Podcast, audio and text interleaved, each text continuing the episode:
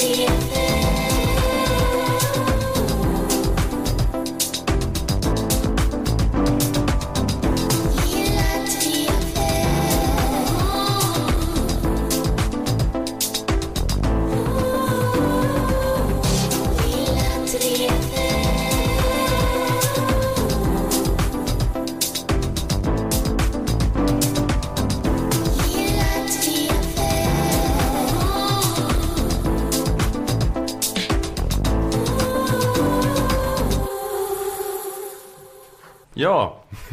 Wow. härligt. Sång på vignetten nu. Den är färdig. Ja, jag vet, den har spelats ofärdig innan. Den har spelats en instrumental version här ett par gånger. Men då tycker jag det är synd att säga att den är färdig. Då tycker jag att vi säger, hur blir det nästa vecka? Nästa kanske, det kanske kommer blåsinstrument då?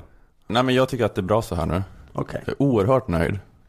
Det är uh, Little Jinder som har gjort den här uh, Mm. vignetten åt oss. Mm. Passande då. Att det är en artist som också heter något med lilla i förnamn. Hon har gjort våran jingel. Mm. Kanske skulle döpa om sig till Little Jingel. Det är skönt att Simon är här så att det finns någon som uppskattar. För jag såg direkt att Liv skakade skämt. på huvudet. Men då har en publik hos mig som är, som är, som är för. Snällt av henne att ha gjort den i alla fall. Tack så hemskt mycket. Och eh, köp hennes nya skiva. Allt suger heter den. Hon har kommit ut med jättebra. en ny Ja. precis. Ja. Om ni mot förmodan inte redan lyssnar på Little Jinder så börja nu. Idag är dagen. Ja, härligt. Tack, tack så jättemycket. Jag, eh, och eh, jag ska säga att det här är Lilla Drevet, en podcast för Aftonbladet Kultur. Ni kanske har hört det då, vilka som är här. Ja, jag heter Ola Söderholm och jag sitter här med Simon Svensson och Liv Strömqvist. Två av de äldsta stofilerna i samtidsspaningsbranschen i Malmö. Ja. Oj, oj, oj vad ni har krystat. År efter år. Håkan Juholt, Fi. Någon sa något knasigt i Skavlan. Spaning efter spaning. I 51 P3-program. Miljarders miljoners poddar. Och en och annan fruktansvärt misslyckad tv-pilot. Ja. Oj vad ni har kämpat. ja, det har vi gjort. Men Får vi en guldklocka? Och oj vad ni är trötta. nej, Som, Nej. som två stackars utslitna arbetshästar som inte längre går att sälja på Kiviks marknad. Det är precis som du tänker en jätte, jättestor hink full med spaningar. Då har man bara tagit precis det översta lagret med spaningar. Sen har jag resten fortfarande fullt kvar. Spaning. Ska inte ni bara få lägga er ner och somna in? Nej, jag ska piska upp er en sista gång. Okej. En till ska ni klara. Ja, men du ska prata Simon om, vad var det, tiggeri? Om att vi har fått en utredning som säger att vi inte ska ge pengar till tiggare. Okej, mer om det senare. Just det. Och Liv, du ska prata om Katarina Janors eh, uppmärksammade utspel i debatten på senaste. Eh, ja, Så, då har jag puffat framåt nu. Nu tänkte jag inleda med att en ganska god stund prata om eh, lite polarisering och eh, åsiktskorridor och sånt. härligt. Kommer du nämna, eh, vad heter det, upptrissat samtalsklimat?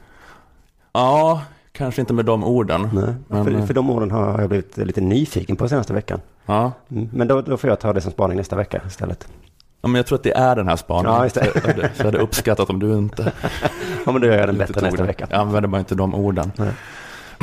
ja, men jag lyssnade på eh, Publicistklubbens debatt om hur svenska journalister hanterat flyktingfrågan.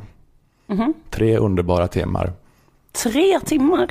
Förlåt, Två och en jag, halv kanske. jag är lite dum. De eh, samtalar och lägger ut det som podd eller någonting. Ja, nej, det läggs ut som ett YouTube-klipp. YouTube, aha. Det Men jag lyssnade på det som podd. mm. Jag kände att jag behövde inte se Nej. eh, Daniel Pohl och Erik Helmersson när de står och pratar vid ett bord. Utan jag kunde bara gå runt eh, och diska och lyssna på det. Just det, tv är helt meningslöst. Stod de i, vid ett bord i två och en halv timme och pratade? Nej, Det var två omgångar av paneler. Och stod kanske en eh, timme var, lite drygt. Typiskt tjejer att tänka på om de blir trötta i benen. Jag vill mer veta vad de moders- Såg någon hand om dem? Moderskänslorna kickade in. Fanns det vatten och så till dem? En frukt kanske? Behövde inte Erik Helmersson någonting? En frukt? Ja, men jag såg någon gång på skärmen jag såg att de hade Ramlösa. Okej, Mm. jättebra. Då fortsätter vi. Och, eh, eh, men det var en i panelen. var Expo-killen. Fuck SD-killen. Daniel Pohl. Mm. Eh, Han sa så här vid ett tillfälle. Jag befarar att vi nu går in i en fas i svensk journalistik som kommer att driva in oss i ett sätt att beskriva vår verklighet som påminner om hur journalistiken i Norge och i Danmark ser ut. Han befarar det, att det ska bli som i Danmark och Norge. Och det han menar då är att i Danmark och Norge är mainstream media mer avpixlat-aktigt än vad det är i Sverige. Att en sån anti-invandringsanalys genomsyrar liksom det offentliga samtalet på, på ett annat sätt. Man fattar ju kanske vad Daniel Pohl menar när man ibland hör olika saker från till exempel Danmark. Det kanske känns som att det, går, ja, att det inte går så bra med samtalsklimatet då. Kan man känna ibland. Ja, men jag undrar om det inte är lite som när eh, en släkting till mig hälsade på, på Roskildefestivalen en gång. Och så kom han och så sa han så här, vad är, han var kanske 65 då. Så sa han, men här är ju inte alls gyttgytt och vattenpölar Förlåt, kom överallt. en 65-årig släkting och hälsade på dig när du var på Ja, men han ville väl se hur det var liksom, kom på söndagen sådär. Och så var hans, för hans enda vision av Roskildefesten var liksom att alla badar gyttja jämt. För det var de enda bilderna som tidningarna liksom, eh, publicerar. För det är ju de häftiga bilderna. Så han var liksom, så att jag kan tänka mig att det är så med dansk, eh, att vi får ju bara de här gyttjebilderna av dansk journalistik till Det- Sverige. Ja, det finns liksom eh, tillfällen i Danmark där de inte drar guldtänderna ur, ur munnen på flyktingar. Ja, men det finns sådana artiklar Ja, också. Kanske. Det pågår en annan vardag.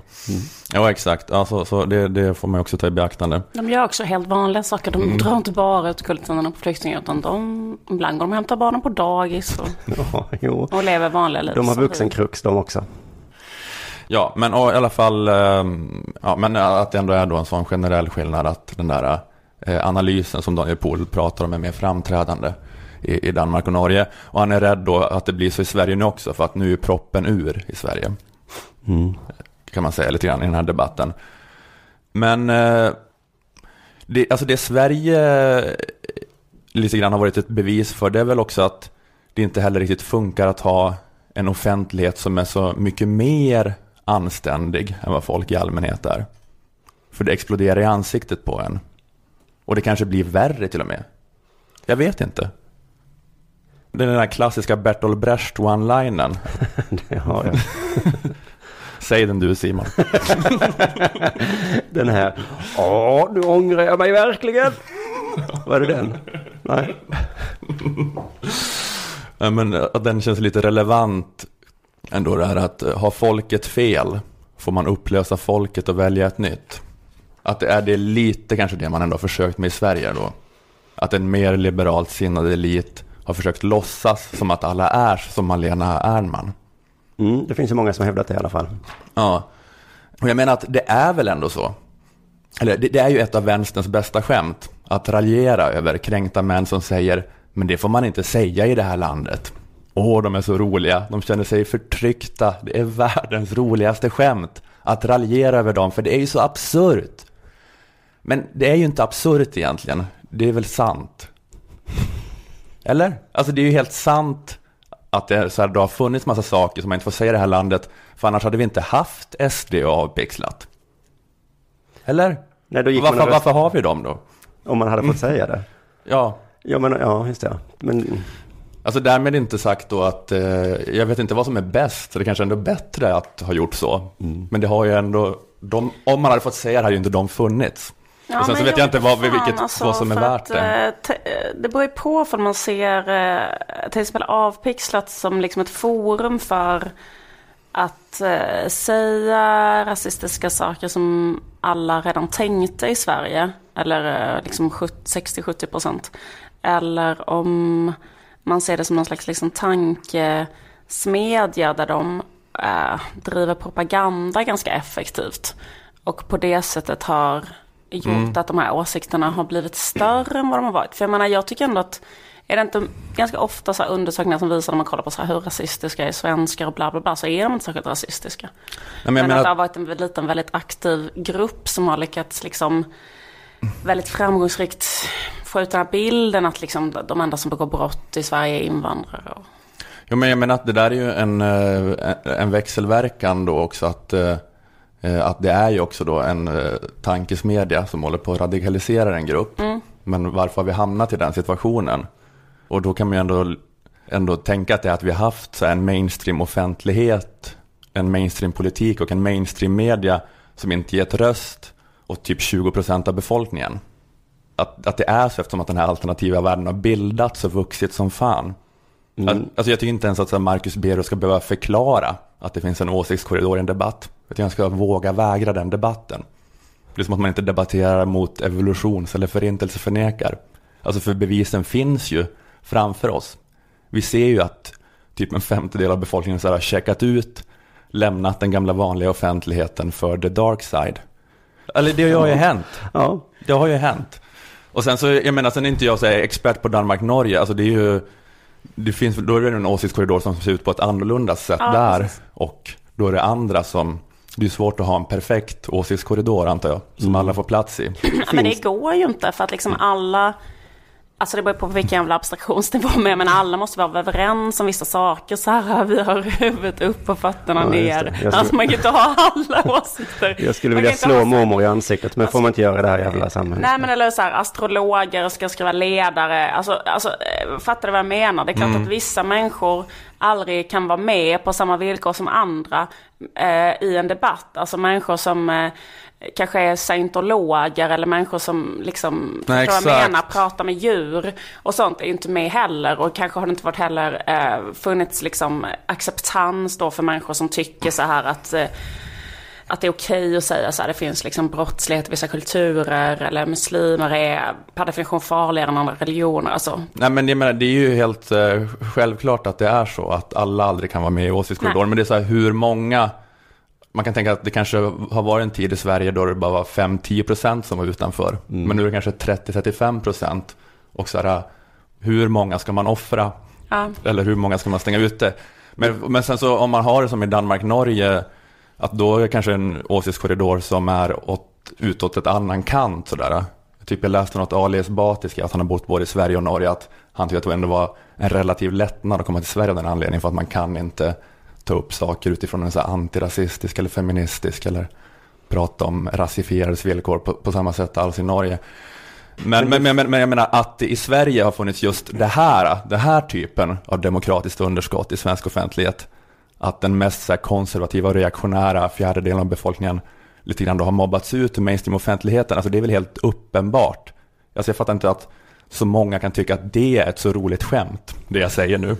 Varför, varför sitter ni och skrattar åt mig? Nej, det gör vi. Det är. Men du, det alltså, det, ultimata beviset är ju, finns det ett Aupixlöv i Danmark? Eller är det så att där behövs inte det? För de är redan upplockade av extrabladet och allt vad det heter. Jag vet, det är klart att det måste finnas, det gör det väl. Och, så, och det tänker jag att det är väl så omöjligt att uh, i, i vår tid att det inte ska finnas sådana alternativa internetmedia. Ja, men jag tänker att Ja, men att det kommer alltid finnas folk som så att säga måste stängas ute från en mainstream-offentlighet. Man kan ju inte inkludera alla, men det är bara så här, vart, vart ska man dra den gränsen? Det är ju det som är krångligt. Mm. Och var ska vi skicka dem? och det du menar är att man skulle erkänna så här, vi har gjort det och inte säga så här, haha, vi har inte gjort det. Ja men... äh, ja, ja, men att vi... Jo, men precis dra skämt om att vi inte har gjort det. Vi har gjort det. Ja men det att det... det Eller göra det, det, det, hos en håna. Ta din mössa, kasta upp den på taket, sen säger han nej. han påstår att han inte har någon mössa på sig. Vi ser ju att han har en mössa. Nej men jag menar bara att vi, vi vet ju att, att det är ett rätt gigantiskt sjok av befolkningen nu som bara har stängt av de traditionella medierna och de traditionella politikerna och lever sina egna liv i sin egen bubbla. Och, men, och jag tänker, för människor som har ett vänsterliberalt progressivt sinnelag, vad vill man helst ha? Alltså vill man ha en offentlighet där man har skurit bort den högra femtedelen mm. och därmed gjort då mittpunkten i politiken mer anständig enligt sitt eget sätt att se på saken. Eh, men priset man betalar för det, det är att man driver den här eh, högra femtedelen, de försvinner ju inte, utan man driver dem in i mer sjukhet än vad de annars hade varit i man jagar ut dem i vildmarken. Alltså att det kanske är bättre att ha moderater som beter sig som gammelmoderater än att ha Sverigedemokraterna. Eller för den delen är det kanske bättre att det startas ett mer högerpopulistparti som Fremskrittspartiet istället för det här identitära fascistoida vi har. Eller att det är bättre med Ivar Arpi än Mats Dagerlind. Mm, Tobias Billström kom tillbaka.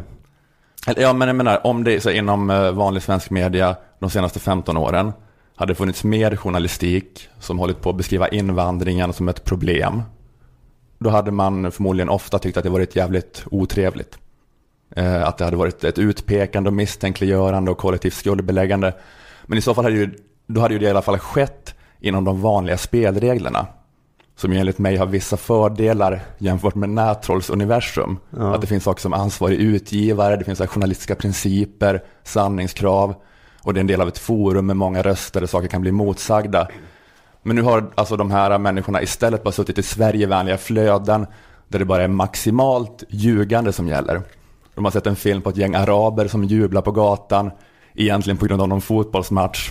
Men i artikeln så de läser står det “Kolla, de firar Ikea-morden” Ja. och inget de kommer i kontakt med ser emot det här. Men tror du inte att det hade, kunnat, att det hade blivit så ändå? Alltså även om det hade varit en sån... Eh, Jag vet inte. ehm, Kanske. nej. Att de hade läst frågan. att eh, begäret efter att se en sån eh, film där det står eh, de firar Ikea-morden. Eller liksom. Den, eh, den är så stor så att det hade man liksom velat göra ändå. Man kanske hade blivit liksom till och med fått blodad tand för att man började med att läsa en invandringskritisk artikel i, i liksom. Jag, jag, jag Ja, det inte, där är den stora knäckfrågan. Ja. Ja, det är Ska- Ska vi frågan, behålla för- anständigheten eller ska vi... Ja, men det, men det är ändå så här, ja, ja, det är svårt. Det finns förmodligen ingen eh, bra lösning på det för att vi har en sån globalisering och en folkvandring och att folk kommer hålla på att vara rasistiska och det kommer vara spänningar. Så det finns nog ingen optimal lösning på det, men det är ändå något med det jag säger nu att om massa människor, väldigt många människor tycker en sak, om inte det då sägs i offentligheten, då skapar det problem ändå. Mm. Fast det kanske inte går att vara utan de här problemen, men det är ändå något demokratiskt underskott med det. Ja, men jag menar liksom bara alltså, att, att det kanske hade varit bättre för den här opinionens anständighet, alltså den här högra femtedelen, och då om det hade funnits fler röster i Sverige de senaste 15 åren som är så som Ivar Arpi är idag, att många av dem hade kanske nöjt sig med det då och inte behövt sitta framför ljugflödena och radikaliseras tio gånger mer istället. Om man hade fått ett samhälle som hållit ihop mer, kanske inte varit så galet polariserat. Att det inte funnits grupper som gick in i medborgargarde-mode lika mycket. För att de var så alienerade och tokiga. Eller så hade det inte hjälpt. Nej. Jag vet inte. Enligt den teorin så är Ivar väldigt, väldigt viktig idag. Ja, eller, men det är som att nu kommer ju allt på en gång känns det som. Ja, just det. Det, eller det tänker jag också kanske är en risk med det här, när proppen går ur.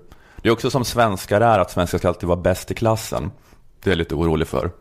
Vet, man ser att Sverige gick från att Sverige gick från världens minst avreglerade skola till världens mest avreglerade skola på ett halvår. Att Sverige ska alltid så här gå längst i, så nu så här, mest generösa flyktingpolitik, nu kommer vi så här, nu har vi bestämt en annan riktning och då kommer det gå långt. Jo, men om man tycker att det är ett problem med den här åsiktskorridoren som tystat de konservativa rösterna i det offentliga samtalet kan man också fråga sig lite vems fel är det? För det är ju, alltså, Är det invandrarnas? Ja, antingen är det väl det eller inte. Skojar bara. ja, men nu känns det som att eh, nu när proppen är ur, då är det en massa konservativa som gnäller på att det har varit en inkvisitorisk vänster. Att det är deras fel. Men det känns ju också lite jag-svagt. Så här, så här, buhu, buhu. Jag vågade inte säga flyktingvolymer för jag var så rädd för Göran Greider. Ja. Och Lilla Drevet. Ja, precis. Alltså det är lite ett sätt att man pekar på folk. Ni har varit mobbare sådär. Men varför lät du mobbas då? Mm. Jävla tönt. Skärp dig. Nu vill de ha skadestånd kanske. Jo, men Kommer de att precis. kräva skadestånd Behövde du från liksom- eh, politism? Det är det är ju en sak. Ja, men precis. Man kan ju inte vara arg på politism. Man kan ju inte vara arg på sådana opinionsbildare. Man kan ju eventuellt vara, kanske vara arg på typ mediechefer. Att en SVT-chef skulle ha tagit ett mer övergripande ansvar. Men det är svinmässigt att hålla på och lipa om att, ja, vad, vad politism har gjort. Jasenko Selimovic skrev i DN en text den här veckan. Jag vet inte om ni läste den. Om, om typ sånt här. Men den gick i princip ut på att vi som ville prata om problem med invandring vågade inte för att Aftonbladets ledarsida var så läskig. Mm. Alltså det var på riktigt det den handlade om. Om man, man liksom grow a pair. Jasenko. Att du backar från det du tror på så fort Anders Lindberg skriver fiska i bruna vatten. Mm. Alltså man kan ju se det som att det är ditt problem i så fall. Men är det det att man har lite svårt att eh, inte vara överens? Eller det känns ju ganska ofta som att folk missuppfattar det här med åsiktskorridor. Alltså att det varit så här, eh, någon har kanske skrivit någonting eh, och då har de varit så här bara, du, du fiskar i bruna vatten. Och då har det varit så här, jaha, då fick inte jag skriva detta. Eh, och som sa, ja du hade väl bara kunnat skriva så här, det tycker inte jag, argument på det, motargument, motargument, annat motargument. Mm. Jo men, Men det är väl rasistordet eh, som också talas om att det har blivit överanvänt eh, nu på senare tid. Att det är, kanske har varit jobbigt att bli kallad rasist då. Och så säger man, ja, det, det är väl lite jobbigt att bli kallad rasist. Det kanske är det. Man, Mm. Det kan man ju förstå också då att man kan ha en sån invändning mot ett samtalsklimat. Men eh, också lite, bara ta det. Ja. Men i alla fall då, eh, det här med att den högraste femtedelen inte haft en röst i offentligheten. Eh, Jag kan tänka lite grann så här att, att felet med situationen vi har fått i Sverige, det är att, så, att, att det är så oerhört många idag som stödjer SD.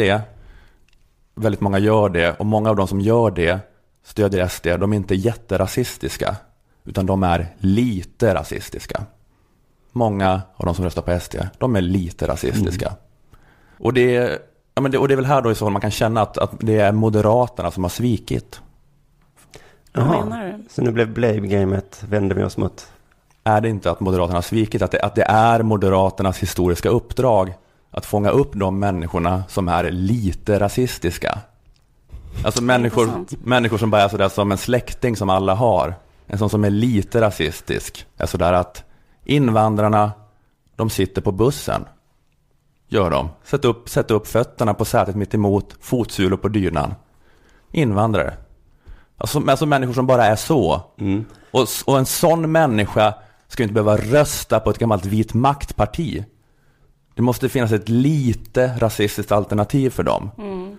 Men, det, men det är ju det som har hänt nu. Att vi, liksom, vi har drivit de här vanliga, hederliga, lite rasistiska människorna in i händerna på ett parti som i modern tid stod och heilade på sina möten. Vill förändra Sverige till Ungern. De är snart Sveriges största parti bara för att Moderaterna svek. Slu, och sluta vara det här partiet för ens lite rasistiska släkting. Jag tror bara att Moderaterna inte var med på det mötet när det bestämdes att de skulle ha de lite rasistiska. Och sen så en av dem sa de, nej nu vill inte vi vara dem längre, nu får ni andra ta hand om dem. Och så var det ingen som ville plocka dem. Ja, men de, de, din egen släkting. Tänk att sitta på ett sånt möte och bara ha alla dem. Inte vara så kul att behöva vara liksom hamnen för dem. men det var ju deras historiska uppdrag. Men skulle de istället hålla på Okej. och gasta om öppna era hjärtan, göra upp om flyktingpolitik med Miljöpartiet. Ja men tyst, ni ska ta hand om. Ni svek ert historiska uppdrag att vara det anständiga smygrasistiska alternativet. Så det är det jag menar, att rasismens framgång i Sverige eh, beror på smygrasismens nederlag. Nu är det så här att progressiva krafter håller på att späka sig själva och säga att vi har varit för svaga, vi har varit dåliga på att stå upp för liberala och solidariska och humanistiska värden. Men alltså de, de har inte gjort något fel, de progressiva. De har hållit på som de alltid gör, som de ska göra. Problemet är att vi har haft en historiskt svag smygrasism i Sverige de senaste 20 åren. Den dagen vi lever i ett sånt Ungern-samhälle, när vi har någon sån SD-Putin som urholkar demokratin steg för steg, då kommer jag säga det här berodde på smygrasisternas svek. Jag kommer skriva de ryggradslösa smygrasisternas vitbok. Vi får aldrig glömma. Om detta må vi berätta. Vet ni, Liv och Simon, den stora tragedin är inte de onda människornas brutalitet, utan smygrasisternas tystnad.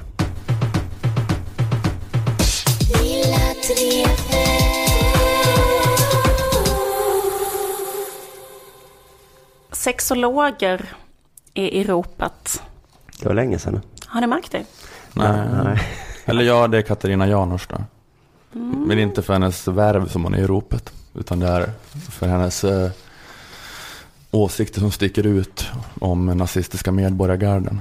Men också gruppen är i fokus i samtiden. Men eh, precis, jag tänkte just det på, på ehm, att eh, Katarina Janouch blev då eh, uppmärksammad för att hon hade twittrat i samband med de här händelserna på Sergels torg. Så ska man ju så här, är det inbördeskrig mot det marockanska gatuslöddret på G? Frågetecken. För första gången i mitt liv är jag team huliganer. Eh, Hmm. Det var, ja, ja, det var grovt. Jag, jag, för att jag eh, var i Frankrike några dagar och var inte på Twitter. Så kom jag hem och så såg jag att alla är arga på Katarina Janouch. Men jag klarar inte av att bläddra tillbaka och se vad som var urkällan till Jag, det. jag försökte också, men jag tror hon hade tagit bort den tweeten va? ja, Efter. precis. Mm. Hon gjorde det sen. I P4 Extra i alla fall i lördag så sa Jan så här om sitt Twitterkonto. Vi bär väldigt mycket fasader eh, bakom vilka vi gömmer våra sanna jag och jag gillar att lyfta på de här fasaderna och jag tycker om att visa upp det här för att eh, när vi ser att eh, andra är precis som vi själva så uppstår en känsla av tröst och lättnad. Jag skojar bara. det handlar inte om hennes Twitterkonto. Nej, vad är det sant? För jag tänkte göra den roliga kopplingen, du har redan gjort den roliga kopplingen då. Att det här handlar om knulla. Det handlar om kvinnlig sexualitet efter 40. Just det. Hennes andra eh, hjärtefråga. Mm. Att uppmuntra, förutom att uppmuntra um, lynchmobbar. Ja just det, men för jag tänker att i många par kanske båda två vill egentligen piska varandra, strypa ihjäl varandra, men ingen vågar säga det. Just det. Eh, I alla fall så fick den här händelsen mig att tänka på liksom sexrådgivare i allmänhet. Man ska vara yrket sexrådgivare. Och liksom så eh, sexrådgivarens roll i samhället. Eh, Därför att det verkar liksom som att vem fan som helst eh, bara kan bli sexrådgivare. Eh, Alltså bara liksom bara hoppa in direkt och bara börja direkt och börja jobba som det. Mm. Som, som konstnär. Nej, jag skulle inte säga ändå. Komiker då? Att allt jag behöver göra är att ge dig ett tips om sex. Då är jag sexualrådgivare. Ja, precis. Katarina Janouch, eh, vad jag förstår, eller vad jag kan utläsa av hennes Wikipedia-sida så, har inte direkt någon utbildning i just det att ge råd om sex. Utan hon har liksom bara då börjat direkt att jobba som sexrådgivare. Sen har hon gjort det i tusen år. Eh, jag menar bara att det verkar vara liksom en, eh, vad ska vi kalla det? En tillåtande stämning inom skrået sexperter. Men det är väl lite, Sexperternas sk- skrå. Att om man säger att man är det så är man det. Det verkar räcka att man säger att man är sexpert och sen är man sexpert och bara jobbar som sexpert och blir betraktad lite som att man är så professor i neurobiologi. Fast egentligen är det bara att man har sagt en gång att man är sexpert. Ja, fast eh, men vi jobbar ju också med sådana saker. Kan man ju säga. Sexrådgivning, inte Nej, jag. men den typen.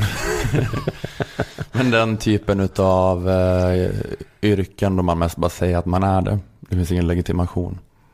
Ehm, ja, det är möjligt. Men just jag, sexrådgivning finns väl en legitimation?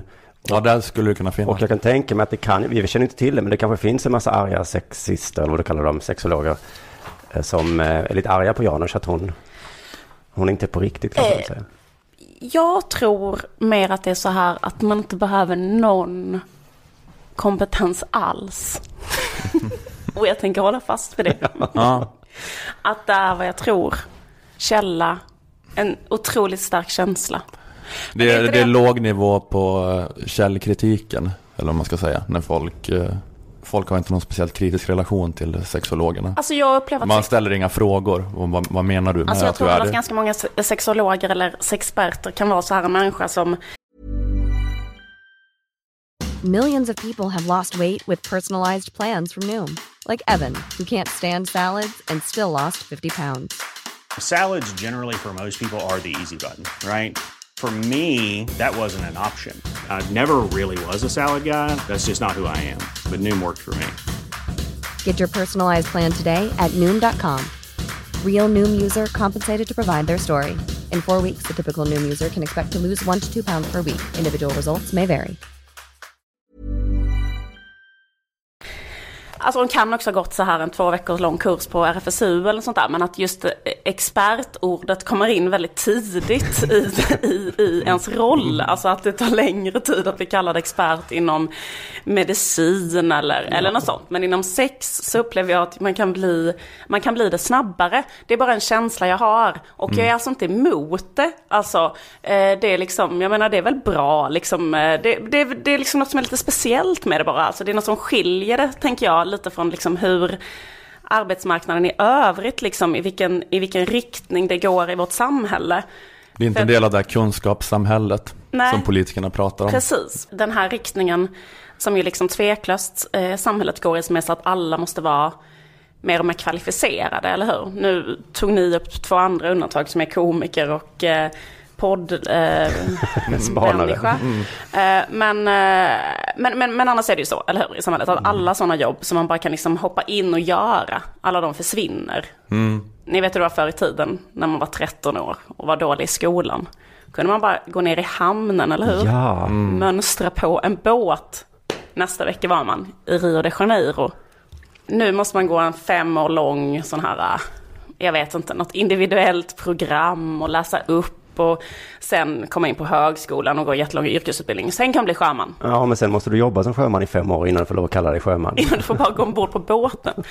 Du måste men- jobba i, på ett kontor eller jag vet inte vad. Men, nu- men, men, men det, det, nu det här är undantaget då nu att det här äh, att antingen måste man gå den här jättelånga utbildningen eller så kan man bara gå in på Aftonbladet Vendela och säga Precis. Att alla yrken liksom förvandlas till så här eh, högkvalificerade yrken. Eh, alla måste ha så legitimation för att bli lärare och sådär.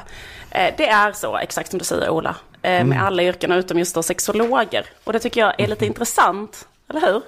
Sexolog är det nya sjöman. Att om ett sånt föräldralöst barn bara skulle rymma från ett barnhem nu för tiden Ja. trasigt barn, Rasmus på luffen, då skulle det liksom inte ha första tanke att jag sticker ner i hamnen, mönstrar på en båt, utan hans första tanke skulle vara så här, gå upp till Expressens redaktion, eller hur? Be att få jobba som sexolog. Och skulle samma dag få börja skriva någon liten instruktion om hur man använder en kukring eller sånt. Men det är ju äh, det, Jag tycker det är fint. Ja, det, men det är svaret på den här samhällsutmaningen vi har nu då med väldigt mycket eh, lågutbildade människor som inte är matchade för svensk arbetsmarknad som har kommit med flyktingvågen då. då att alla afghaner och somalier och så ska få kanske sitta i ett kanal 5-program med en kändisgäst och eh, svara på frågor om, om risker med Och det eh, könsorganspiercing. Alla vill ju, jag vill, det finns ju ett stort behov av att höra, få tips och råd. Så det, så det finns ju säkert för få sexologer idag tänker jag. Ja, precis. Det är möjligt. eh, nej, men som jag säger liksom, så menar jag då också att det, är, att det är absolut inget fel med det här. Och det är också bra med så här låga trösklar in på arbetsmarknaden och sånt. Och det är jättebra. Eh, men det, det som händer nu i samhället också måste ni också ha märkt, det var det jag menar när liksom sexologer eller sexperterna är i fokus lite grann. Det är att deras, eh, de har ju varit med om ett litet uppsving här nu på sista, den, bara den sista månaden. Eh, överhuvudtaget på grund av de här, den här debatten om de här sexuella övergreppen eh, i Köln och Jaha, har haft Jag fler än. Janouch som har varit i... Ja men då har det funnits en, en, eh, någonting som, en åsikt som många har sagt, eller hur? Som har varit så här, eh, flyktingar som kommer till Sverige måste få sexualundervisning. Har ni hört den åsikten? Så de måste både jobba med sexualundervisning och få den. Det är det vi har landat i nu. Det kan bli ett själv... eh, Försörjande system. system. De Ja, men det är väl får som ut, utbilda varandra. skådespelare, de går ju den här utbildningen och sen blir de inte skådespelare så blir de skådespelarlärare istället. Det är väl en gammal spaning som finns och därför så finns det, de, heter det, de blir fler och fler hela tiden på grund av det. Ja, men jag tänker ändå att, eh, att liksom den dominerande liksom, åsikten här som jag har hört från jättemånga håll, det är den här då liksom att eh, inte din lite mer innovativa idé här att de själva skulle bli sexualrådgivare utan det är att de ska få sexualrådgivning. Och det bygger lite grann, det är liksom lite grann den här tanken så här, sexualundervisning är det finaste vi har. Sexualundervisning är kulmen på vår civilisation lite grann. Inte minst då sexperterna själva understryker ju gärna då hur viktig sexpertisen är för samhällets fortlevnad. Och så kan det ju vara. Absolut, jag håller dörren öppen för det. Jag vill bara liksom lyfta lite grann varningens finger just när jag funderar på vad är em, kraven för att bli sexpert? Eh, är det rimligt? Är de mogna för det? Vår kår av eh, sexperter, har de kompetensen? Kommer det att bli så? Kommer det att bli bra, undrar jag? Kommer det att bli bra när vi låter Ligga med P3-redaktionen åka ut på olika asylboenden för nyanlända och hålla en kurs som är så här. Är det tillåtet att ligga i en biosalong? Är det okej med relationer på jobbet? Och får man knulla på ett tåg? Jag vill bara lyfta frågan liksom. Är vår sexrådgivning i Sverige så bra? Också att det snart är dags att köpa julklappar. Så äntligen kan du önska dig den där svindyra sexdockan som du inte hade råd att köpa i somras. Kommer de att kunna ge de råden som folk liksom eh, behöver hjälp med? Kan det vara så att det endast är av politiska skäl som jag ser mig som pansexuell? Nej, men jag vet inte. Jag bara undrar, jag vill bara lyfta frågan. Kommer det att bli, kommer det bli bra? Jo, men jag tänker att det är eh, dags för wet. Wet? Ja, alltså kissex. Uh, Kommer Ja. det bli bra? kommer det bli bra? Jag, är bara, jag är bara rädd för det här. Ja, Jag är bara rädd för den här utbildningsinsatsen som eventuellt kommer göras. Men jag tänker den där checka, hurtiga, skojfriska P3 sexualrådgivarstilen. Det finns ju ingenting som är ett sånt eh, eh, liksom motsatsen till afrodisiakum. Man vill ju aldrig ha sex igen när man hör den där checka eh, BDSM-skolan på tänker P3. tvärtom. Så, så jag tänker att ifall de åker, ifall man nu då är orolig över att de håller på och tafsar på olika festivaler så kanske man, man, dödar, man dödar sexualitet med den här stilen. Mm. Så då är det bra att de åker ut till de här pojkarna och, och pratar om sex på det här viset. Jag blev lite sugen på sexdockan när jag hörde det där peppiga. Jag skulle vilja höra ett P3-program som var så här fast som börsen. Så, ska man köpa aktier i, i Volvo? Är det rätt att göra det nu när vi får julklappar? Att man... ja, du är så bra på tips. Jag tänker att Då det var jag finns P3-filtret på allt. eh,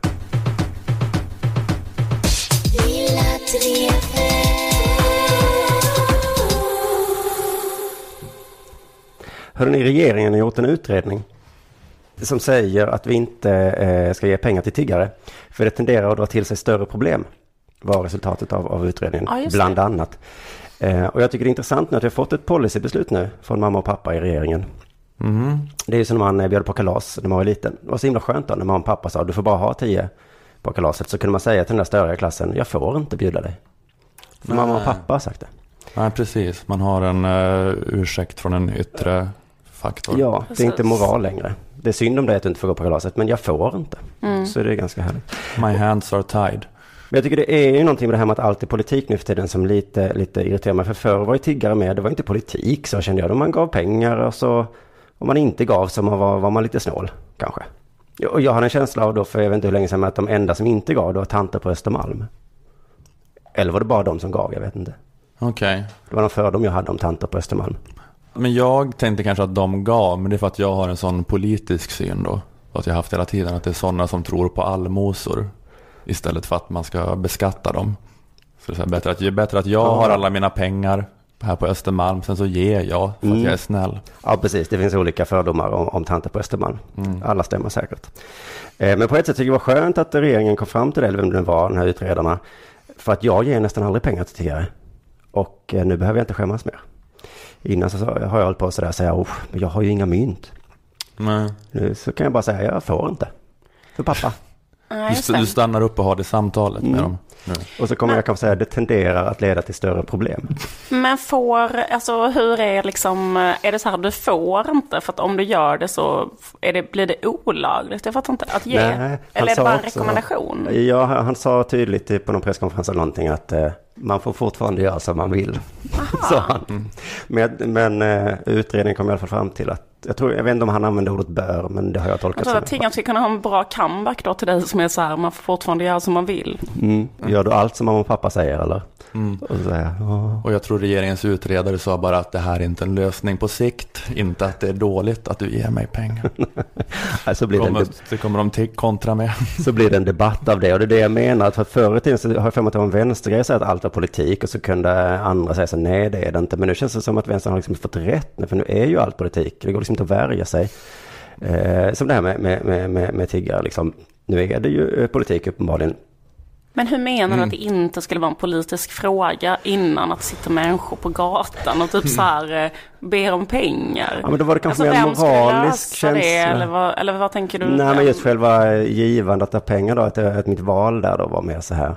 Att jag fick göra, välja i huvudet själv. Är jag en snålis eh, som inte bryr mig om andra människor? Eller, men nu så är det, blir det deba- debatter om det Men istället. jag kan fatta den kritiken av vänstern så här, det behöver inte vara en politisk fråga om jag målar naglarna eller inte. Men det kan ändå vara en politisk fråga om det ska vara tiggare på gatan eller inte. Eh, jo, men, men precis, jag säger inte att det är rätt för men nu är det ju uppenbarligen Mm. eh, det i alla fall. För jag tycker vi hade en lättsammare inställning till tiggare för. Jag menar, Sissela Benn, vet ni vem det var, hon eh, Melodifestivalen kändisen. Hon hade ett skämt, jag vet inte om hon körde i stand-up eller om det var eh, en bit i alla fall som hon körde på, inför folk. Där hon härmade en tiggare som vi hade i Malmö för.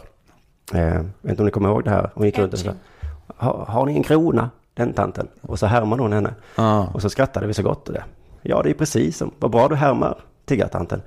Eh, det var ingen big deal med det. Att Melodifestivalen kändisen gjorde en gubbe av en tiggartant. Det skulle kunna bli det nu när du outar detta så här nio år senare. Jag, jag tror att detta går att hitta på YouTube faktiskt. Okej. Ehm, jämfört med Mårten Anderssons eh, rom och cola-skämt. Det blev ju i alla fall eh, en deal, liten deal i alla fall. Jag känner inte till det. Han fotade en bild på en Coca-Cola-burk och så var det en, en, en romsk tiggare i, i bakgrunden. Och så skrev han på Instagram, rom och Jag cola. Jättedålig ordvits eftersom det inte heter rom och cola. Det var, det kanske var det skämtet inte var gjort med kärlek. Nej, Till Sissela skillnad kanske... från Sisselas som var mera av en öm imitation. Ja, man läser in det i alla fall i henne för hon är ju en skön person kanske. Till skillnad från, jag vet inte om Mårten, han kanske är superskön. Vad vet jag. Men man gav pengar eller inte pengar och så pratar man lite om de moraliskt dilemma. Eller, eh, Det var det lite grann. Nu så är det liksom en riktig debatt i riksdagen så här. Så tack fru talman, nu ska jag göra ett anförande där jag talar om vikten av att inte ge pengar till tiggare. Och så är det på den nivån. Eh, och så kanske någon säger, eh, ja, ska vi förbjuda eh, att tända eld på tiggare? Vad säger Centerpartiet? Och så får de hålla ett anförande att ja, vi är djupt grundade i ideologiska argument emot att man ska hälla bensin på tiggare. Det kommer sig då av att vi är ett klassiskt glesbygdsparti då. Men du menar att det var skönare på den gamla goa tiden då det bara var ett personligt val. Det var inte politik, det var ett personligt val du hade om du hällde en dunk bensin av en tiggare och satte Ja. eld eller ifall du bara gick förbi. Ja, jag, jag, jag, jag ser det mer som en spaning än att jag lägger värdering i det. Du kallar mig som spanare. Så det här är min spaning, nu har det blivit så.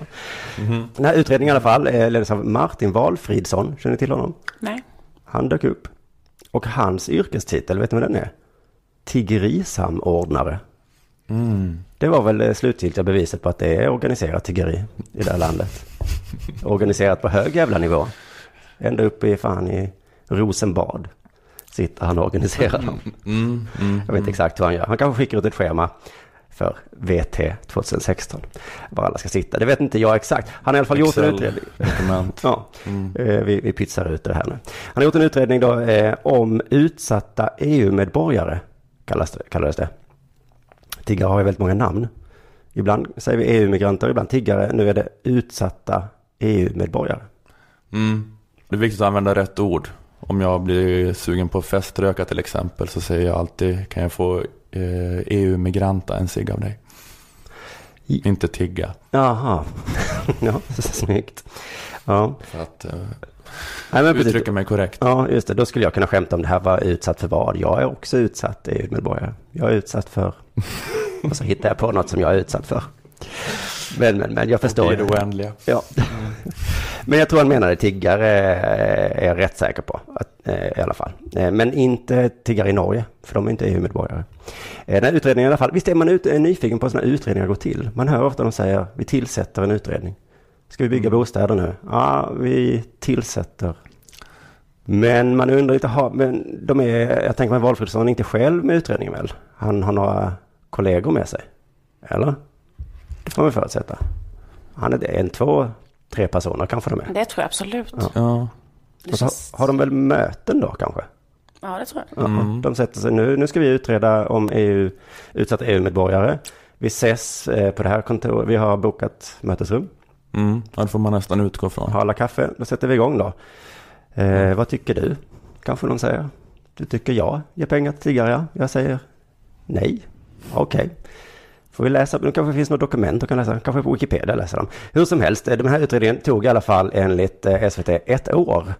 Mhm. Ett år satt de. Hmm, ja, eller ja, eller jo, fast å andra sidan. Men då blir det ju, satt de. Eh, och då får man ju frågan i huvudet, hur mycket har det här kostat den här utredningen? Vi säger att det var tre personer med heltidslön och de har sån här regeringslön, vilket Ja, jag har förstått är ganska mycket mycket. pengar. Ja. Oj. Mycket pengar i kort utredning. Tur att de pengarna inte gick till tiggare i alla fall. För det tenderar ju att leda till större problem. Så att det var ju bättre att de gick till utredarna. Men de kom också fram till att kommuner ska inte anvisa särskilda platser för boende. För det leder i slutändan till nya svårigheter, kom de fram till. Samhället bidrar till att återupprätta de slumsamhällen som vi frenetiskt arbetat för att motarbeta i Sverige, säger Martin. Och det är ju sant, vi vill inte ha kåkstäder. Nej, helst inte. Nej, vi vill inte bli som Johannesburg. Vi vill kunna se ner på dem och säga, "Pff, har ni kåkstäder? Vilket Ja. konstigt samhälle ni har. Vi har det är inga- främst därför. Vi har inga slumområden. Här är alla lika och bor i lägenheter med hyfsat hög standard. Eh, Det kräver lite högre skatter, men å andra sidan då har alla en bostad. Eller det, liksom, det finns inget mellanting då. Antingen får du bo under en bro eller så får du ha en bostadsrätt för en miljon.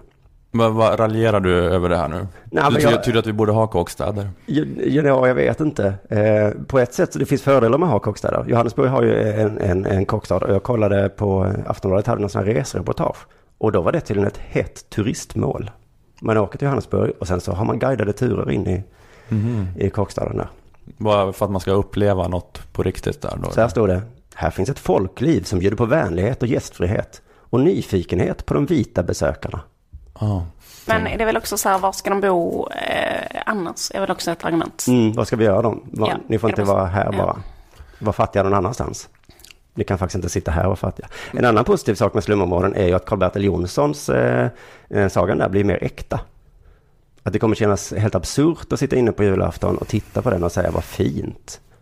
Men om du nu tycker det är så fint, då får du väl ge ut i slumområdena och, och, och ge, det kanske unga pojkar kommer göra då, och, och ge en tändstickstavla av Bodens fästing. ja, det ska finnas slumkvarter för alla som vill lajva Karl-Bertil Jonsson. Gör det väl lättare Ja, att jättebra göra. argument. Och då kommer de utsatta EU-medborgarna bli så himla glada då också. Det är väl en liten glitch i den sagan, att de fattiga blir så glada när de får skräp. Det är väl ingen fattig som blir glad av servettringar i päronträ, som han målar upp det. Att de leker så glatt med dem. Ja, men jag tror inte riktigt att du fattar vad tanken är där. Jag tror att, att det, inte, det handlar inte om vad det är för grejer. Jag fattar din tanke Karl-Bertil, men om du hade sålt grejerna på Blocket och sen gett pengar till de fattiga, jag tror man blir lite gladare för det. Jo, men, ja, men det är inte det det handlar om riktigt Simon. Okej, i alla fall. Avslutningsvis här. Vi behöver inte ge pengar till tiggare. Enligt den här utredningen så bör vi inte ens ge pengar till tiggare. Att hjälpa en fattig är numera fel. eh, I alla fall enligt, eh, enligt de som bestämmer. Och då vet jag att den barmhärtiga samariten hade fel. Mhm, Mm. ja. Vi får nu börja kalla honom för den barmhärtiga idioten. För att, att bete sig som du gör, det leder till större problem längre fram. Mm. Alltså, eller vad, vad är det de har kommit fram till i utredningen? Att de har suttit och tänkt på så här att, att eh, det, om man håller på och hjälper dem här och nu så leder det till att man aldrig fixar till det i Rumänien. Nej, just det. Så egentligen har de kommit fram till att alla galor och sånt är också fel. Men, men- var det det de sa? Att det, att det tenderar att förvärra problemen i längden? Mm, För att de är kvar i den här försörjningen. just det. Just det, men det är det här att det händer ju aldrig någon förbättring i Rumänien Nej. heller. Nej, när SVT gick och frågade då någon Mm. tiggare på stan, vad tycker du om den här regeringens beslut? Så sa han väl just det också, att ja, fast jag är ju här och nu, vad ska jag göra? Mm. Jag uppskattar att ni har gjort en utredning, sa han, tack så mycket. Men eh, jag håller inte med. Nej, men det är grejen, vi vill inte ha ett andra klassens samhälle. Vi står inte ut med att hjälpa människor så lite. Vi måste ha råd att hjälpa dem jättemycket upp till vår standard. Annars får det vara. Annars hjälper vi inte alls vi kan inte ha den här kåkstadsgrejen. Det, det, ja, det är svåra avväganden. It's politics, Mm. dude.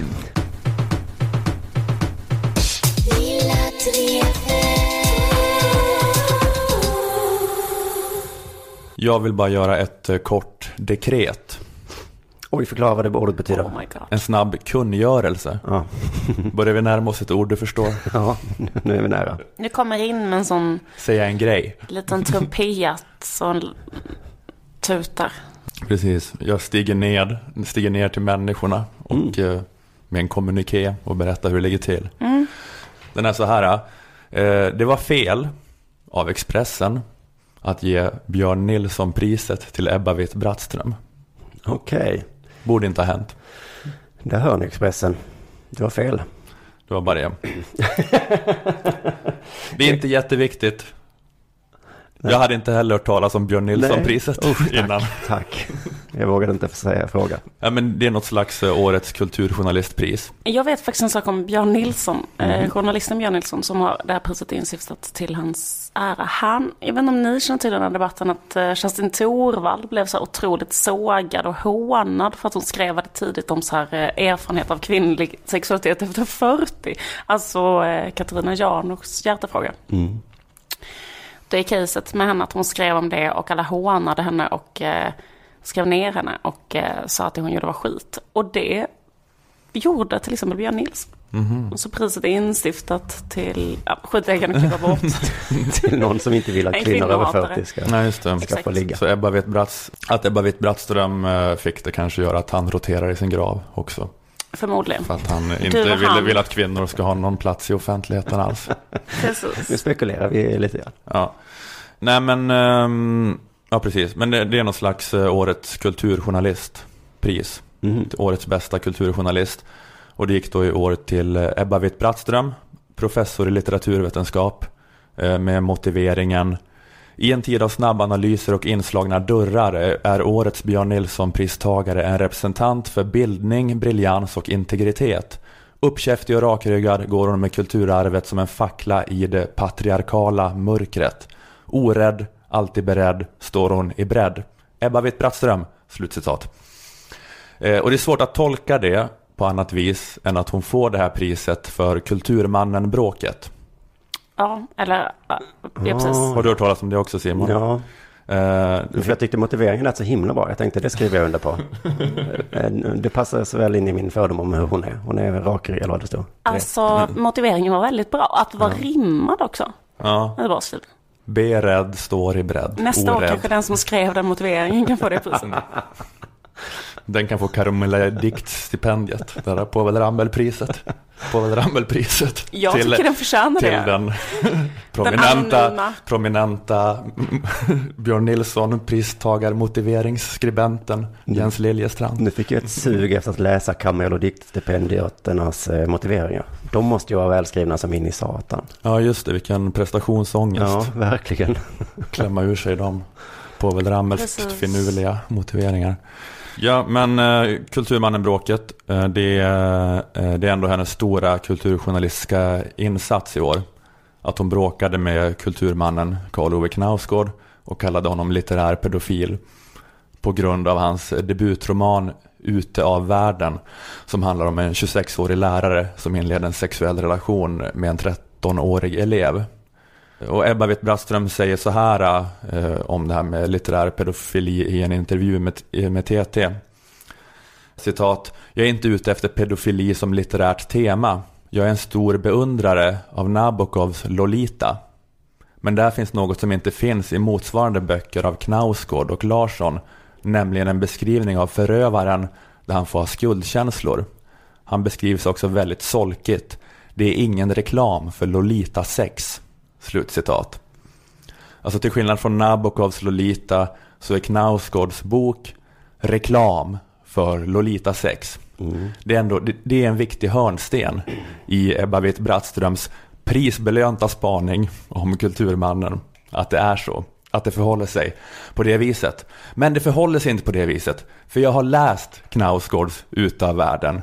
Och du har en annan tolkning än eh, kulturprisvinnaren. Jag är helt övertygad om att ingen Expressens jury har läst den. Också lite osäker på om ens Witt-Brattström har läst den. För det är en dåraktig läsning av den boken. Att tolka den som reklam för Lolita sex. Oj, en helt annan uppfattning.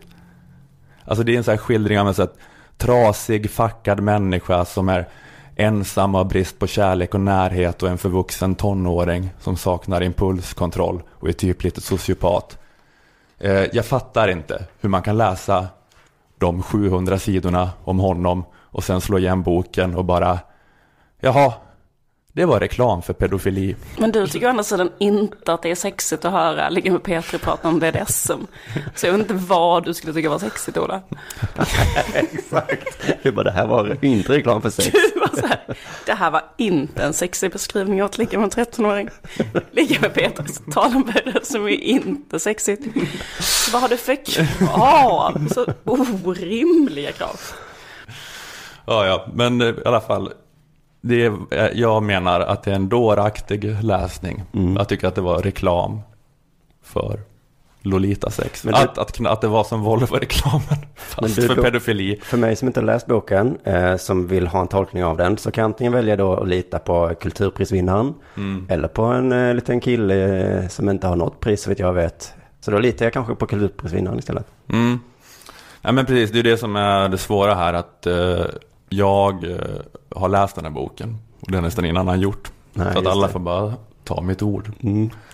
Men... Det ehm, är inte sexigt. Precis. Nej men jag vet inte, jag tyckte att det, det känns lite som att se Schindler's list som en reklam för folkmord. Ja. Jag antar att det är så det är när Ebba tittar på Schindler's list. Vad är det här för något? Reklam för folkmord. Vilken fruktansvärd film. Usch att se den på det sättet. Nej men exakt, det, det är som sagt, det var, det var inte jätteviktigt det här. Men nu hade jag läst den här boken. Det var 700 viktigt sidor. för dig att berätta att du hade läst boken Sju kanske? på norska dessutom har jag läst den. Oj. 700 jävla sidor. Oj. Och då var jag väl tvungen att säga något nu när jag för en gång skulle vara kvalificerad. Mm, att ha en åsikt. Ja, verkligen. Så jag bara säger det då att Vitt Brattströms analys är fel. Eh, och det var fel att ge henne pris för den analysen. Och återigen, det här börjar bli tjatigt, men jag måste säga det en gång till. Karl Ove, förlåt. förlåt för att alla i det här landet är så oerhört dumma i huvudet. Ja. Förlåt Karl Ove. Lilla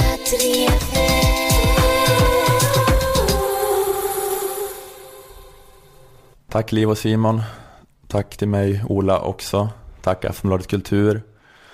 Och... Eh, Tacka dig själv, gjorde du det precis? Du Ja. brukar alltid säga så här efter min yoga, så säger yogaläraren alltid så här, tacka dig själv. Aha. Det gjorde du nu, det var fint. Just det. Gör du det då? Börjar bli lite mindful och sådär. Och hålla på med sådana grejer.